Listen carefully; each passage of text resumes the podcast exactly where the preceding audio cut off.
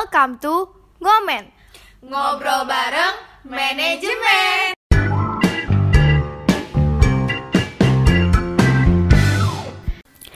Halo, hai Sobat Ngomen, selamat datang, welcome to Ngomen. Gak kerasa nih, udah masuk di podcast pertama yang Ngomen. Nah, kalau kemarin kita di episode 1 itu kan udah kenalan apa itu Ngomen Dan ngebahas chapter-chapter di dalamnya.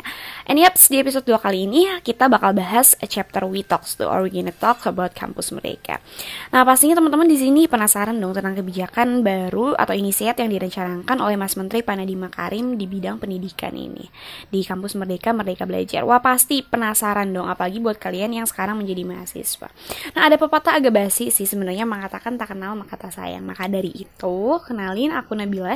Dia bakal uh, nemenin kalian di podcast komen kali ini. Dan aku nggak sendirian, aku di sini ditemenin uh, sama narasumber yang pastinya kece dan keren banget. Beliau merupakan mahasiswa berprestasi Unsil 2021. Langsung aja kita sambut dan selamat datang Muhammad Ferdi Firmansyah. Sehat kan? Ya, alhamdulillah emang benar-benar harus jaga prokes ya Iya bener banget. Betul eh salam kenal ya Ferdi ya. Nice to know you. Sebenarnya kita nggak baru kenal sih. Cuman nggak tahu deh Ferdi kenal aku atau enggak. Soalnya kita masih satu fakultas ya, fakultas ekonomi. Oh iya benar-benar. Coba beda jurusan oh. aja ya. Mm-mm. Nah kalau Ferdi ini dari uh, jurusan ekonomi pembangunan. Kalau aku dari jurusan manajemen. Yes of course siapa yang nggak tahu Ferdi ya mahasiswa berprestasi Unsil. Aduh. Oke nih Fer, ngomongin tentang mahasiswa berprestasi nih. Kamu kan dapat uh, achievement ini sebagai mahasiswa berprestasi ini buat kedua kalinya ya? Ya iya, alhamdulillahnya masih di kesempatan mungkin ya. Oke, okay.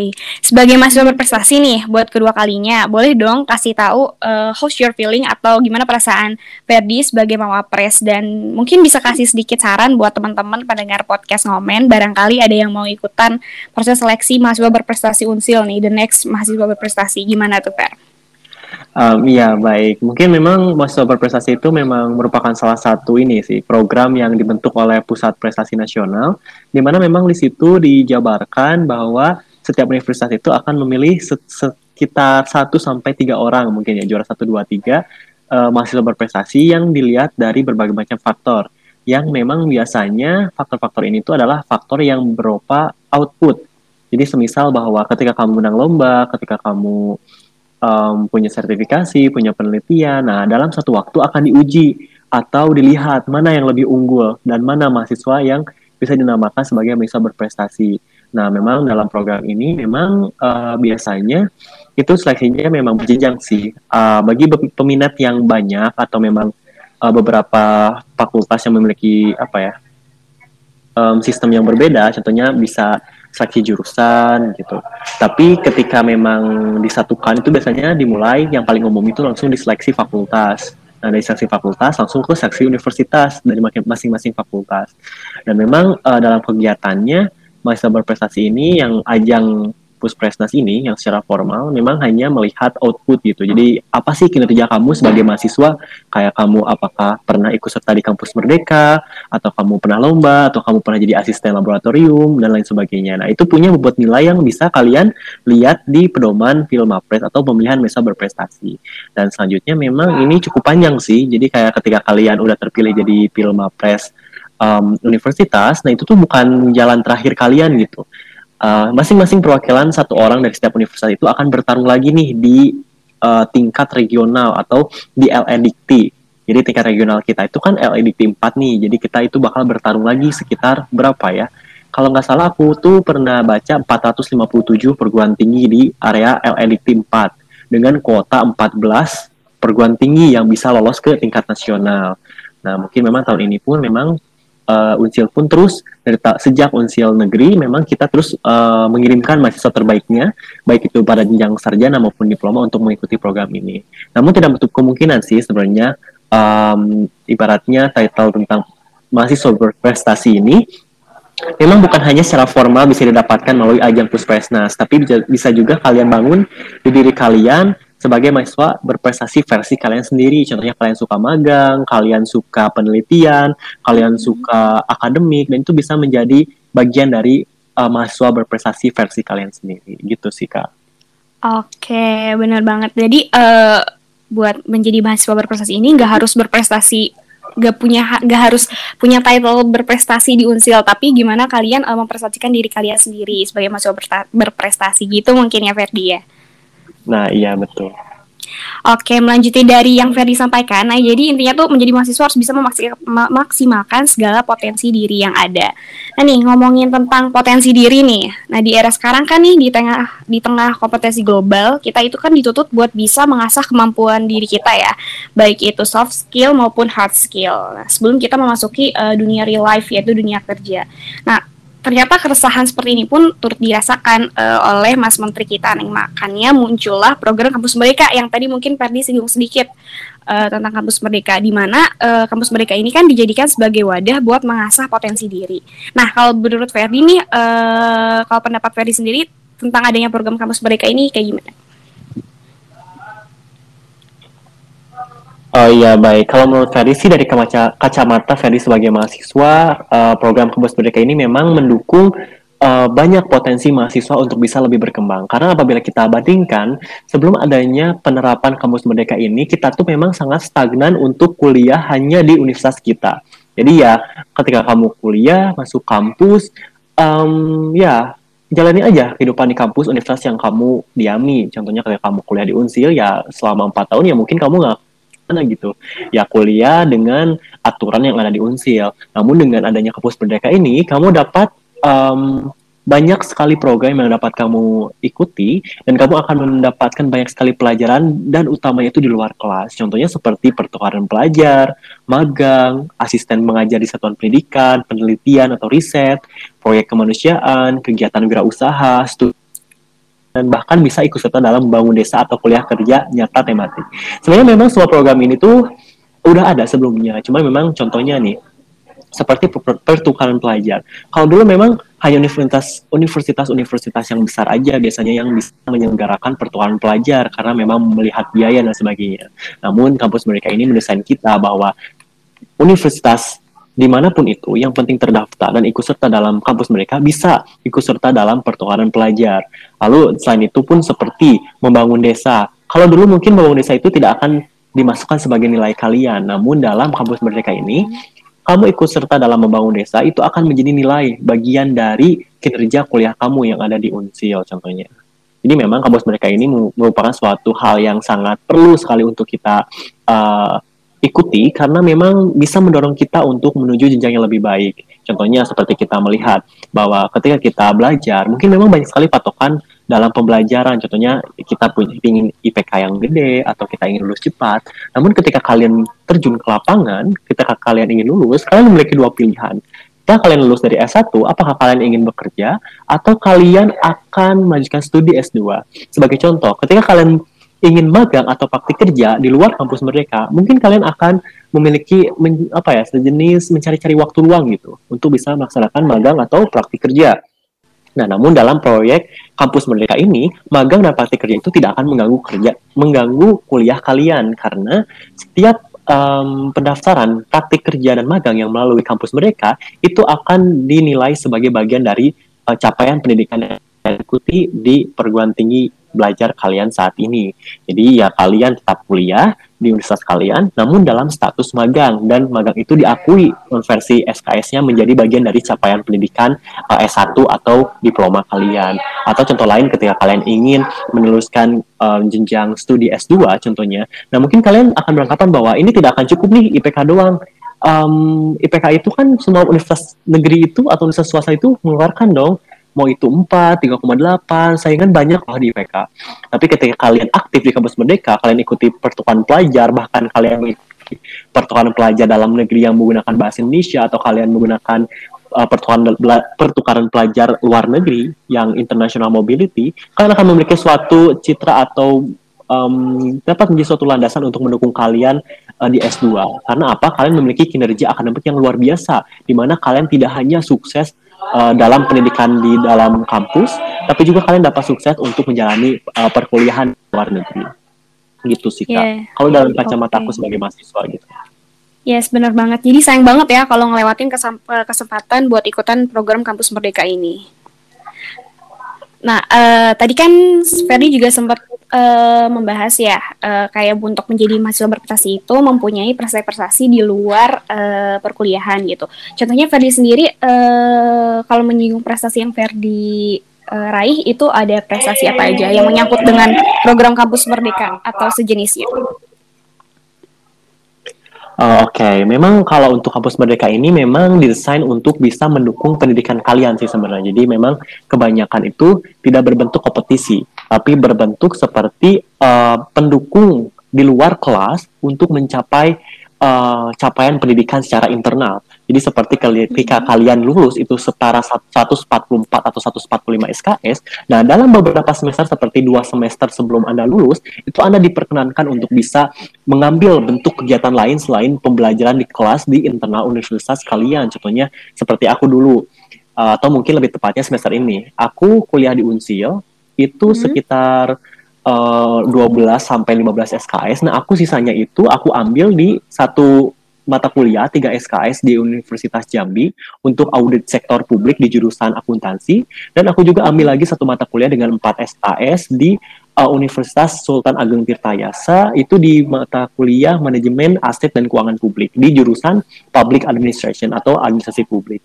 Nah, kampus mereka ini tidak menutup tidak menutup kalian untuk bisa mempelajari uh, bidang-bidang lain di luar jurusan kalian. Justru kampus merdeka ini adalah membuka jalan ketika kalian ingin minat terhadap suatu jurusan yang tidak ada mata kuliahnya di jurusan kalian, kampus merdeka ini memberikan kesempatan di mana kalian bisa kuliah di luar universitas kalian dan mengambil mata kuliah yang ada atau sama di universitas kalian atau di luar program studi yang kalian emban sekarang. Jadi seperti tadi aku dari jurusan ekonomi pembangunan dan kemarin memang alhamdulillah sudah ada hasilnya.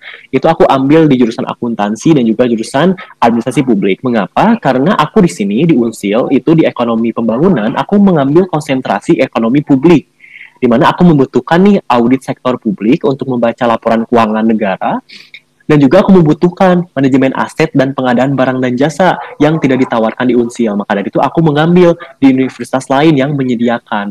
Jadi sehingga terjadi spesialisasi nih di mana aku mm. uh, dalam konsentrasi ekonomi publik memiliki uh, konsentrasi yang lebih gitu daripada mahasiswa-mahasiswa lain yang tidak mengikuti program pro kampus mereka itu sendiri.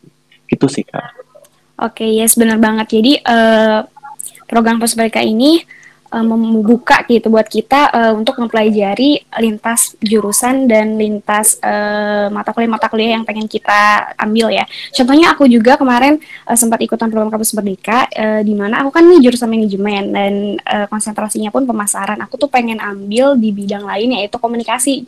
Nah, aku ambil uh, di mata kuliah uh, komunikasi dan personal branding dan itu tidak menutup kemungkinan ya buat yang lain juga untuk mengikuti program kampus merdeka ini. Nah, uh, sebenarnya kampus merdeka ini kan udah berjalan lebih dari satu tahun lamanya ya. Uh, sempat di awal adanya program kampus mereka ini, uh, inisiat dari Mas Menteri ini sempat mengalami pro dan kontra ada yang sangat setuju dengan adanya program ini karena dirasa uh, mampu membuat dunia perkuliahan itu semakin fleksibel. Tapi ada pula yang kontranya nih karena dirasa kegiatan ini belum mampu jika diterapkan di pendidikan di Indonesia. Nah, kalau menurut Ferdi sendiri gimana nih dengan adanya statement tersebut? Um, iya, memang pro kontra itu pasti ada sih dalam suatu kebijakan gitu dan memang ketika Ferdi membaca tentang peraturan menteri uh, atau Permendikbud nomor 3 tahun 2020 itu sendiri memang uh, ketentuan kampus merdeka ini memang kalau yang Ferdi amati sejak Ferdi melihat perkembangannya kita udah beberapa kali ganti sistem. Di mana pertamanya itu memang sistemnya adalah dibebaskan kepada setiap perguruan tinggi. Maka dari itu memang beberapa perguruan tinggi yang tidak memiliki aturan mengenai sistem alih kredit maupun tidak memiliki aturan tentang sistem alih kredit berbasis internasional, apalagi tidak memiliki UPT layanan internasional, itu akan sangat kesulitan dalam mengimplementasikan. Contohnya ada beberapa universitas yang memang sejak dulu tidak punya program pertukaran pelajar, tapi sekarang di kampus mereka sangat dimudahkan untuk bisa mengirimkan mahasiswanya dengan dibiayai oleh kementerian. Namun secara administrasi seperti alih kredit, lalu transfer SKS itu tidak diatur di universitas tersebut. Memang rata-rata universitas tersebut uh, memiliki status seperti PTN atau PTS yang berbasis satuan kerja atau satker. Dan juga seperti contohnya di pertukaran pelajar yang berbasis internasional, di mana ketika universitas tersebut tidak memiliki MOU dengan universitas yang lain, lalu um, universitas tersebut tidak memiliki UPT layanan internasional, maka memang mahasiswa pun akan kesulitan untuk bisa mengikutinya. Namun memang pada kenyataannya seperti dulu ketika saya pada tahun uh, semester berapa ya kemarin, semester 5. Ketika itu saya memang melihat teman-teman saya yang kok bisa sih mereka dapat beasiswa sebesar sekitar berapa ya? puluhan juta untuk bisa kuliah di luar negeri gitu karena walaupun padahal mereka itu perguruan setara loh dengan Unsil kata Ferdi uh, dan ternyata memang Ferdi melihat bahwa ada beberapa perbedaan contohnya seperti di kita tidak ada UPT layanan internasional contohnya dan juga kita tidak pernah mengikuti international mobility yang scholarship hmm yang bisa mau apa ya mengirimkan beberapa mahasiswanya ke luar negeri yang dibayarkan oleh kementerian dan bisa melaksanakan perkuliahan yang bisa dialih kreditkan. Nah, itu merupakan suatu kerugian apa ya hambatan-hambatan yang memang dijalani oleh berbagai universitas. Maka dari itu, memang mahasiswa itu memang untuk beberapa universitas dituntut untuk lebih sabar gitu. Contohnya seperti ketika pertukaran pelajar, sistem alih kredit belum ada di universitas tersebut, maka memang itu akan terjadi seperti kebingungan gitu memang. Namun memang ke depannya ini merupakan suatu jalan langkah yang awal, di mana sudah bertahun-tahun, berpuluh-puluh tahun universitas itu berdiri, namun tidak ada sistem alih kredit dan tidak ada inisiatif untuk melaksanakan pertukaran pelajar, tiba-tiba dengan adanya kampus mereka ini, mereka dituntut untuk mengeluarkan aturan dan juga um, beberapa bagian-bagian fasilitas seperti tiba-tiba membentuk UPT layanan internasional, tiba-tiba rajin untuk MOU, tiba-tiba mereka rajin untuk melakukan penelitian bersama mahasiswa yang padahal sejatinya pada pada dahulu itu seperti penelitian itu hanya untuk dosen, mahasiswa itu dianggap tidak mampu. Tapi pada saat ini salah satu bentuk dari kampus mereka adalah adanya asistensi mengajar bahkan bisa ikut serta sebagai penulis utama dalam penelitian atau itu sih itu merupakan suatu polemik yang cukup kompleks gitu dalam uh, manajemen pendidikan tinggi di Indonesia menurut aku. Yes, bener banget. Karena yang namanya suatu program ya, apalagi ini terobosan baru buat Indonesia, pasti ada uh, kelebihan dan kekurangannya sendiri dalam proses penerapannya. Nah, tapi terlepas dari itu semua nih, uh, seperti yang kita tahu juga, Fer, masih banyak mahasiswa yang belum mengetahui betul dengan adanya program-program yang ada dalam kampus mereka ini. Mungkin tadi sempat disinggung juga ya sama Ferdi, uh, sebenarnya kan banyak banget ya program dari kampus mereka ini yang bisa kita ikutin. Uh, dan also for information, ada beberapa program yang di-highlight gitu, kayak program kampus mengajar, magang atau studi independen, terus international student mobility juga dan tadi juga ada pertukaran mahasiswa mereka. Nah, dari program-program yang aku sebutin tadi nih menurut kamu mana program yang paling menarik dan mungkin boleh dijelasin sedikit secara singkat uh, buat uh, supaya tentang program-program yang di kampus mereka ini. Oke, okay, memang itu merupakan suatu program yang memang sedang dijalankan ya. Bahkan ketika kalian mungkin mengecek beberapa program tersebut di website kampusmerdeka.kemdikbud.go.id, ada beberapa program yang sedang berjalan maupun program-program yang akan dibuka. Memang apabila di um, bahas satu-satu, memang Ferdi pun memang cukup tertarik sebenarnya untuk bisa melihat sejauh mana sih program-program um, ini berjalan. Namun memang uh, beberapa program yang sangat related gitu. Contohnya memang yang pertama perlu kita ketahui adalah apa tujuan Anda untuk bisa uh, berinisiatif untuk bisa mengikuti kampus merdeka ini. Contohnya ketika Anda memilih magang, itu apa tujuan Anda? Ketika Anda memilih Indonesian International Student Mobility Award, itu apa tujuan Anda? Ketika Anda ingin uh, memilih kampus menggajar itu apa tujuan anda? Memang itu kembali kepada diri masing-masing dan memang tolong apa ya tanamkan prinsip bahwa ini itu menjadi landasan saya loh untuk ke depannya. Jadi bukan hanya sekedar ikut-ikutan atau hanya ingin mencari uh, pengalaman semua aja gitu. Tapi memang benar-benar harus berlandaskan. Memang itu yang pertama yang harus perlu uh, kita pahami gitu. Dan memang ketika kita membahas program memang banyak sih Uh, seperti contohnya nih, saya punya cerita tentang Indonesia International Student Mobility Award, di mana memang ini cukup tren dan bahkan ketika itu memang sayangnya Ferdi pun dulu saya malah mendapatkan berita ini dari kampus lain gitu, dari teman-teman Ferdi yang ikutan. Dan memang sayangnya ketika Ferdi tahu dan memerlukan TOEFL ETP dan ketika Ferdi lihat bahwa ternyata di universitas kita belum memiliki fasilitas UPT layanan internasional, jadi ini cukup sulit juga gitu untuk diikuti. Tapi memang secara desain program, memang Indonesian International Student Mobility Award ini desain sebagai kesempatan kalian nih, mahasiswa unsil maupun, maupun mahasiswa lainnya ke depan, mungkin di mana nanti ada perbaikan-perbaikan dalam manajemen kampus merdeka di universitas kita, untuk bisa ikut serta dalam pendidikan dalam beberapa SKS di luar negeri. Contohnya ketika nanti ada beberapa MOU yang ditanggung oleh kementerian Kalau dulu ketika kita ingin mengeluarkan pertukaran luar negeri, pertukaran mahasiswa luar negeri, itu MOU itu kalau tidak salah ketika saya diskusi dengan beberapa pihak itu adalah harus universitas dengan antar universitas. Contohnya seperti Universitas Universitas Siliwangi dengan um, contohnya University of Tokyo. MOU-an dan akan saling bertukar mahasiswa. Dan memang kalau dulu sebelum ada kampus mereka ini, Ferdi pernah membahas hal ini itu dulu ketika Ferdi pulang dari acara yang uh, bersama Unsil yang ada di Bali. Ketika itu memang Ferdi sedikit diskusi dengan mahasiswa lain yang menanyakan tentang bagaimana sih Fer, kamu kan udah udah jadi perwakilan ke sini, tapi kok kamu nggak ikutan nih uh, student mobility ya? Aku bingung sendiri itu apa sih gini, uh, apa ya? Apa sih program itu? Dan memang kalau kalian bisa lihat ya untuk yang tema pertama ini, kalau dulu itu kita punya dua jenis, yang bahkan Ferdi pun sempat untuk uh, meng-email beberapa pihak universitas lain yang ber-MOU dengan Unsil, apakah ada opportunity buat saya gitu. Yang pertama adalah adanya pertukaran pelajar atau student exchange dan ada juga free mover student. Ya ada dua.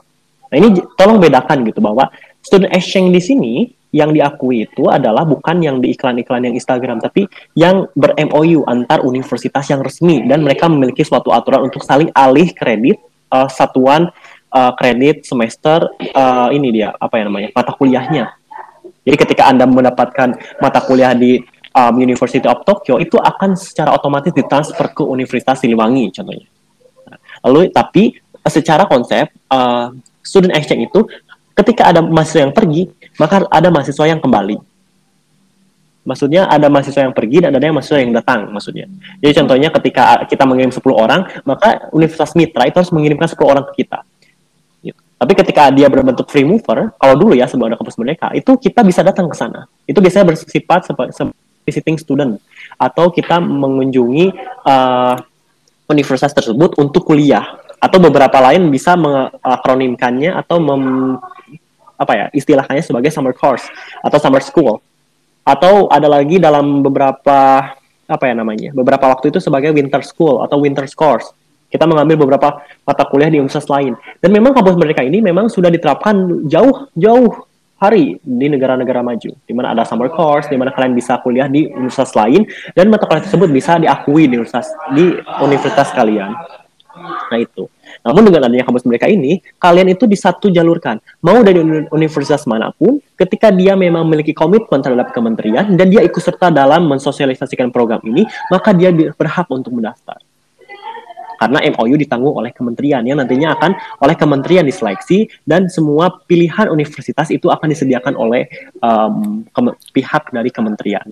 Dan memang kemarin pun Ferry sudah melihat beberapa universitas tujuan seperti University of Malaya, juga ada beberapa universitas-universitas lain seperti yang hits itu National University of Singapore, lalu juga ada lagi universitas-universitas um, yang ada di Amerika Serikat, Boston University contohnya, uh, lalu juga di Jepang dan lain sebagainya yang bekerja sama dengan kementerian. Maka dari itu uh, saya harapkan memang Anda persiapkan diri sebaik mungkin tahun depan contohnya untuk bisa mengikuti Indonesian International Student Mobility Award karena ini adalah kesempatan di mana kalian tidak dibatasi universitas kalian itu harus ber MOU atau bagaimana, tapi kalian benar-benar diberikan beasiswa oleh pemerintah untuk bisa melaksanakan kuliah di luar negeri asalkan kalian mampu untuk bisa uh, ikut serta dalam seleksinya. Lalu yang kedua memang uh, ada kampus mengajar yang memang sangat uh, intens sekali bagi apabila kita sebagai mahasiswa Universitas Siliwangi sebenarnya, apalagi sebagai mahasiswa pendidikan. Itu bisa menjadi modal kalian untuk bisa mempersiapkan diri sebagai sertifikasi guru. Karena apa? Kita harus mengenal berbagai macam fenomena dan juga berbagai macam kasus yang ada di lapangan mengenai uh, mengajar contohnya. Dan kita harus bisa digunakan sebagai uh, hal itu bisa digunakan sebagai dasar kita untuk bisa mempersiapkan diri untuk terjun sebagai guru di mana pun itu. Dan memang kampus mereka ini sangat dianjurkan bagi kalian yang memiliki um, latar belakang pendidikan dan kalian memiliki keinginan untuk menjadi guru dan bisa atau kalian memiliki keinginan untuk mengembangkan keilmuan mengajar yang kalian inginkan. Lalu pro, ada dua program lagi mungkin yang memang cukup di um, konsentrasikan oleh Ferdi juga seperti magang dan sekarang memang ketika podcast ini direkam memang sekarang sedang uh, periode registrasi ya, 10 Juni sampai 31 Juli 2021. Nah, magang ini memang kembali ke konsep tadi bahwa apa tujuan Anda mengambil kampus mereka. Di mana dalam magang ini memang dipersiapkan untuk bisa Anda mendapatkan skill secara profesional dari perusahaan-perusahaan yang uh, diverifikasi memiliki kompetensi, kompetensi yang sangat baik. Contohnya ada Telkom, lalu ada DPR RI saya lihat kemarin ada beberapa instansi-instansi di bidang uh, IT yang memang sangat uh, maju di Indonesia. Nah, Anda memiliki suatu kesempatan di mana kementerian menyediakan jalan, Anda mendaftar dan diseleksi langsung oleh uh, perusahaannya dan Anda akan diberikan kesempatan selama 6 sampai uh, 12 bulan atau 1 sampai 2 semester. Anda dapat bekerja magang di perusahaan tersebut dan Anda tetap bisa kuliah di universitas Anda dan hasil magang Anda diakui sebagai nilai. Itu merupakan suatu uh, nilai kelebihan atau nilai yang sangat baik dari kampus Merdeka ini, di mana ketika Anda magang, Anda tidak bisa, tidak usah mengkhawatirkan bagaimana kuliah Anda di kelas, tapi Anda cukup fokus magang, jadikan nilai magang Anda nilai terbaik, dan nilai magang Anda akan menjadi nilai kuliah Anda. Lalu yang ketiga itu ada pertukaran mahasiswa merdeka. Ini cukup unik ketika kemarin memang Ferdi melihat beberapa perkembangan dan memang Ferdi mengikuti yang tadi Permatasari. Uh, ya, ada beberapa jenis pertukaran pelajar yang ada disediakan oleh pemerintah, baik berbasis uh, kerjasama secara kelembagaan, uh, kerjasama antar universitas maupun uh, jenis program yang berada di bawah di bawah kementerian. Contohnya kalau yang di bawah kementerian itu ada pertukaran mahasiswa merdeka, di mana yang memang semulanya itu desain, di mana anda itu memilih satu universitas di luar pulau yang anda diami. Berarti ketika anda ingin mendaftar ini, anda akan dikirim uh, keluar Pulau Jawa, di mana pilihannya mungkin Pulau Sumatera, Kalimantan, Kalimantan, um, Sulawesi maupun Papua, Maluku gitu. Namun di sini memang Anda akan dibekali dengan dinamakan modul Nusantara, di mana ketika Anda selain Anda kuliah di universitas tersebut, Anda juga akan dibekali beberapa pengetahuan-pengetahuan dan uh, beberapa kebudayaan-kebudayaan yang akan Anda dapatkan di universitas lokal yang Anda um, kuliahi. Contohnya ketika Anda di Universitas Andalas uh, di Sumatera Barat, Anda akan dikenalkan beberapa budaya-budaya Keminangkabawan contohnya, atau ketika Anda kuliah di daerah Maluku di Universitas Patimura, Anda akan melihat beberapa kebudayaan-kebudayaan yang berkembang atau kearifan lokal yang berkembang di Maluku uh, di di provinsi Maluku lebih khususnya. Nah, itu memang uh, dalam perkembangan masa mereka ini memang untuk saat ini memang kita melihat adanya perkembangan pandemi COVID-19 dan memang ada isu bahwa pertukaran masa merdeka ini akan di-online kan. Jadi tidak ada modul Nusantara dan tidak ada pertukaran antar pulau itu. Namun memang kita hanya cukup uh, mengetahui uh, perkembangannya saja. Bisa langsung di uh, cek ke websitenya. Lalu juga ada beberapa pertukaran yang dijalankan melalui kerjasama di luar kementerian. Contohnya kemarin ketika ada Permata Sakti itu ya Permata Sakti namanya itu um, melalui kerjasama yang dipelopori oleh kementerian, namun hanya beberapa universitas. Lalu juga ada Badan uh, eh, BKN PTN Barat, dia membangun program yang bernama Permatasari. Permatasari, di mana dalam program tersebut Anda bisa mendapatkan beberapa mata kuliah yang bisa ditransfer nilaikan kepada Anda. Nah, di sini memang uh, Permatasari ini dia tidak di bawah kementerian, namun diselenggarakan melalui BKN PTN Barat atau beberapa pertukaran lain contohnya sekarang yang lebih hits bukan sorry yang lebih apa ya lebih banyak dilindungkan di mahasiswa-mahasiswa Bandung nih yaitu pertukaran pelajar antar Unpad dan ITB Nah, kalau Anda melihat sejarah garis besar ketika tahun 10 tahun yang lalu, ini jarang banget. Padahal kita tahu bahwa universitas-universitas ini adalah universitas tertua gitu. Dan sudah banyak sekali universitas yang berkembang puluhan tahun. Tapi bisa saling bekerja sama antar universitas itu baru sekarang ketika adanya dobrakan kampus merdeka gitu. Di mana kalau yang di Unpad ITB itu Anda selain mengambil mata kuliah di Unpad ke ITB, ITB ke Unpad, kalian juga bisa kontribusi dalam penelitian. Dan memang dalam program penelitian ini yang selanjutnya itulah riset atau penelitian ini belum dikeluarkan oleh uh, kementerian karena mungkin masih uh, fokus terhadap magang dan studi independen. Dan memang kalau dilihat sendiri dalam um, koridor apa ya namanya? Um, yang diselenggarakan oleh Unsil memang cukup uh, menariknya itu dua hal mungkin. Apa tujuan Anda mengikuti ini? Apabila Anda ingin meningkatkan skill kompetensi kalian, itu saya lebih anjurkan ke magang. Karena apa? Anda magang, tapi Anda bisa mendapatkan nilai untuk disalurkan ke kredit Anda. Jadi Anda magang, tapi Anda tetap kuliah tanpa harus cuti atau tanpa harus maling mal, apa ya? Tanpa harus mencuri-curi waktu kuliah Anda. Nah, dan juga yang kedua juga saya uh, lebih rekomendasikan apabila Anda ingin apa ya, menggali ilmu lebih jauh, Anda bisa mendapat mendaftar di apa ya namanya? program pertukaran pelajar baik itu yang tadi internasional maupun di uh, pertukaran mahasiswa merdeka gitu. Gitu sih Kak kalau menurut aku. Oke, tadi cukup jelas ya uh, program-program yang disampaikan tentang kampus merdeka. Aku setuju banget tadi apa yang disampaikan sama Ferdi itu tentang uh, sebenarnya tujuan apa yang akan kalian uh, capai gitu di program kampus merdeka ini. Nah dari salah satu yang tadi Ferdi sampaikan, aku juga cukup tertarik sama program magang dan studi independen karena kan saat ini juga sedang berlangsung ya program itu. Uh, jadi selain kegiatannya itu bisa dikonversiin jadi SKS ya, kita juga bisa mengetahui gambaran dunia kerja nyata tentang adanya uh, program magang ini. Dan buat teman-teman yang ingin melatih uh, soft skill kalian gitu, tentunya uh, dengan memanfaatkan program magang ini menjadi peluang karir yang lebih luas juga. Nah, uh, oke, okay, karena tadi udah cukup jelas ya yang dibahas uh, oleh Ferdi tentang program-program magang yang ada di kampus Merdeka. Selanjutnya nih, uh, teman-teman tinggal cari tahu aja sebenarnya tentang kampus Merdeka ini di websitenya ataupun uh, di informasi-informasi yang ada. Nah, uh, tapi kadang ya nih Fer, uh, generasi kita sekarang itu kan kebanyakan kurang termotivasi gitu untuk mengikuti kegiatan-kegiatan seperti ini. Jangankan ya, jangankan untuk mengikuti program ini, kadang buat on cam di class meeting aja masih banyak yang ogah-ogahan gitu, masih banyak uh, teman-teman yang suka off cam yang males untuk uh, berbicara atau memberikan pendapatnya di uh, di saat mata kuliah. Padahal nih ya program itu sayang banget buat dilewati. Nah mungkin dari Ferdi sendiri bisa jelasin gimana untuk menumbuhin semangat dan membuka minat teman-teman mahasiswa yang lain untuk mengikuti program kampus Merdeka ini. Iya, kalau menurut aku pribadi memang tadi po main poinnya adalah apa tujuan Anda.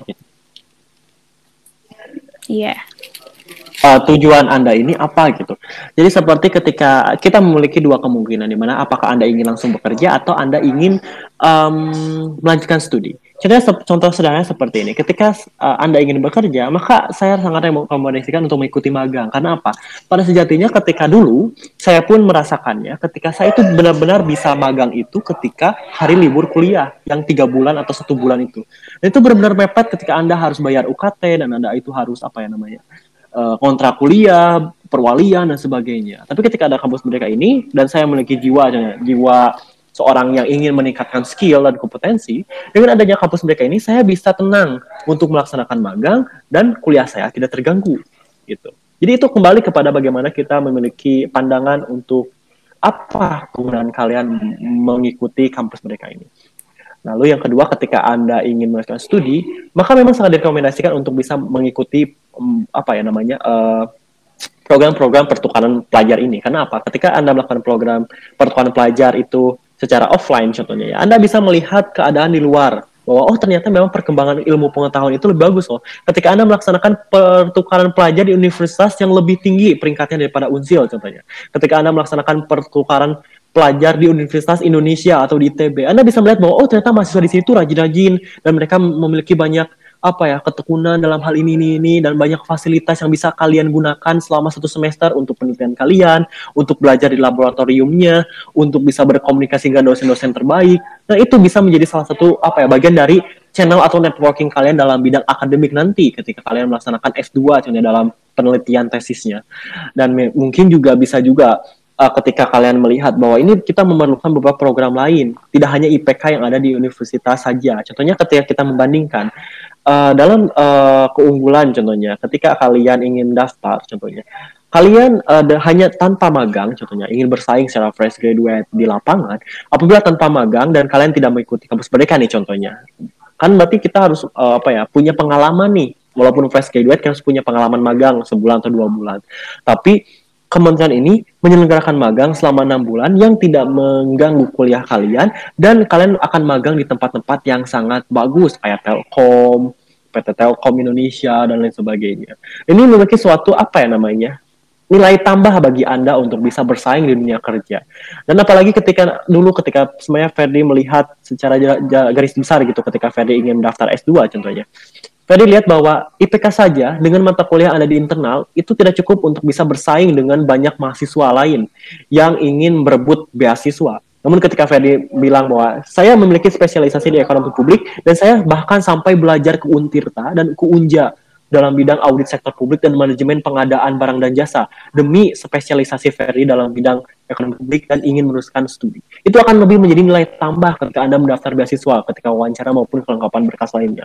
Atau seperti Contohnya pada akhir-akhir ini banyak sekali universitas yang mengeluarkan sejenis program summer course Ya, jadi summer course yang berbasis kelas internasional dan kebetulan memang Ferdi kemarin mengikutinya di Department of Economics di IPB University. Itu memang bisa menjadi nilai tambah Anda ketika melaksanakan S2 kan apa? Pembelajaran secara bahasa Inggris, kelas internasional, dan beberapa teman Ferdi contohnya dari Filipina, dari Malaysia, lalu juga ada beberapa juga di kelas lain yang dari Afghanistan contohnya. Uh, di beberapa kelas lain seperti di sekolah bisnis, IPB dan lain sebagainya.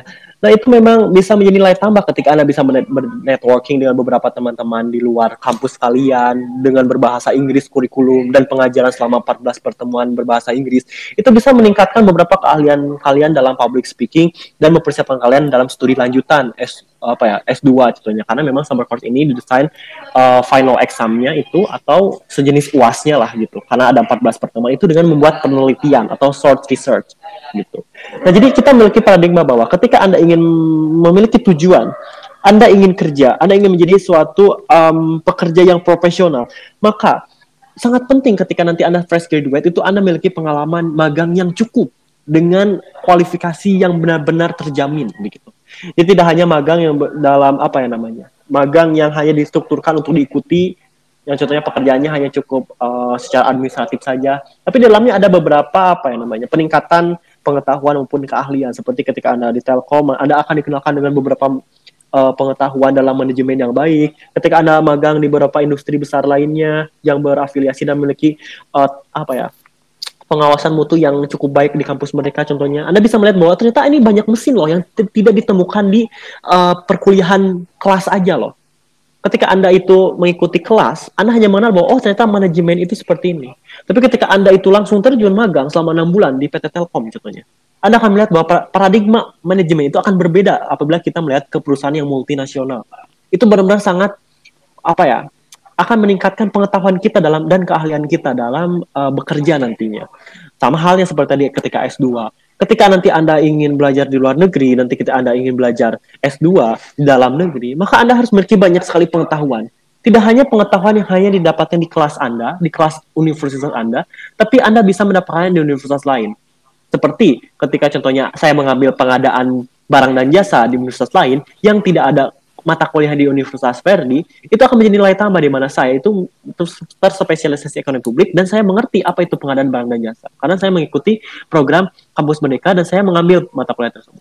Atau mungkin di jurusan saya itu tidak ada audit sektor publik, tapi saya sebagai seorang ekonom publik itu mesti tahu apa ya namanya audit dalam laporan keuangan yang dilakukan oleh pemerintah pusat maupun daerah. Maka itu saya ikuti um, mata kuliah audit sektor publik dan itu menjadi spesialisasi saya bahwa saya itu seorang anak ilmu ekonomi dan saya mengenal juga audit sektor publik yang ada di akuntansi.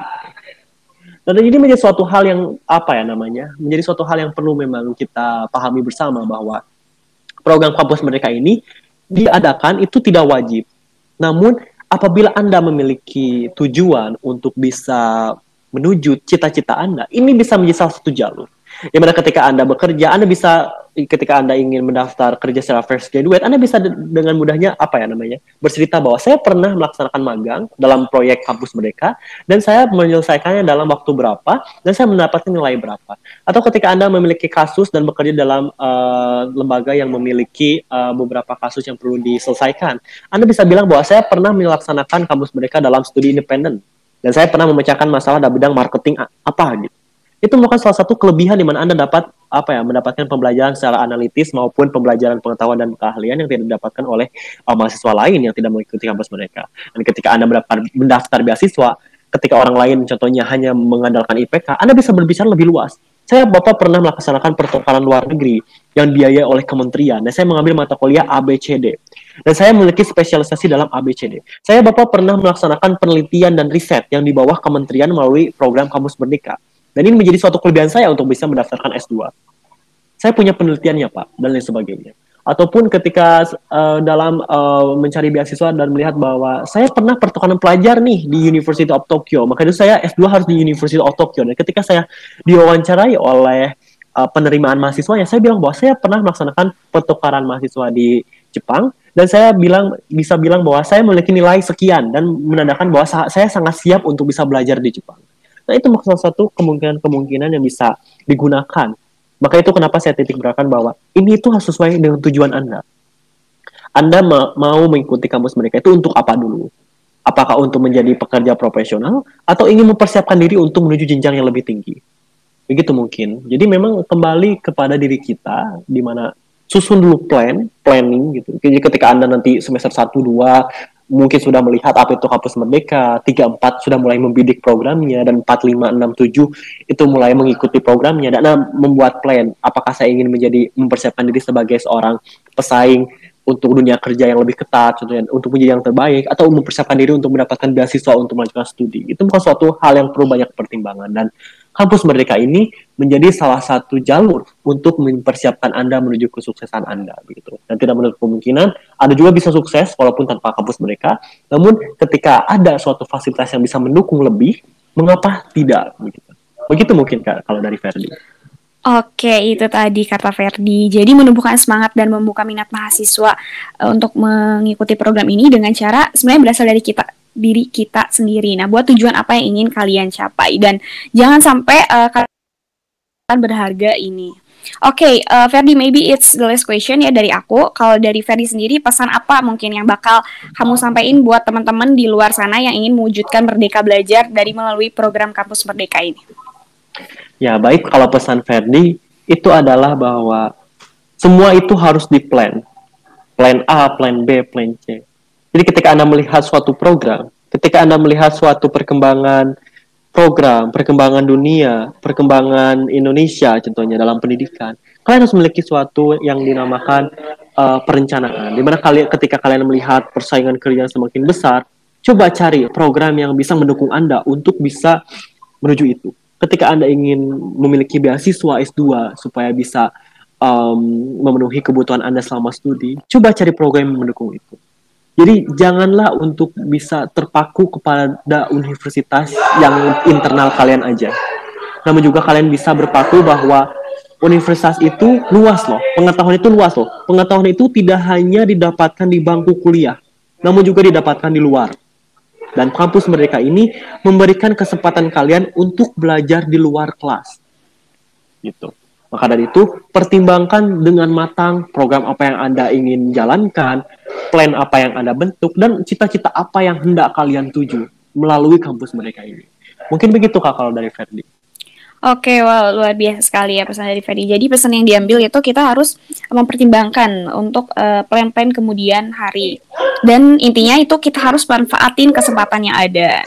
Dan tentunya dengan mencari tahu sesuatu ya. Dan jangan pernah merasa puas untuk mengedukasi diri dan memperkaya ilmu. Oke itu dia di answer of the last question di podcast kita kali ini. Aku mau ngucapin terima kasih banyak buat Ferdi Karena yang sudah meluangkan waktunya di tengah kesibukannya untuk hadir dan ngobrol-ngobrol bareng di podcast ini.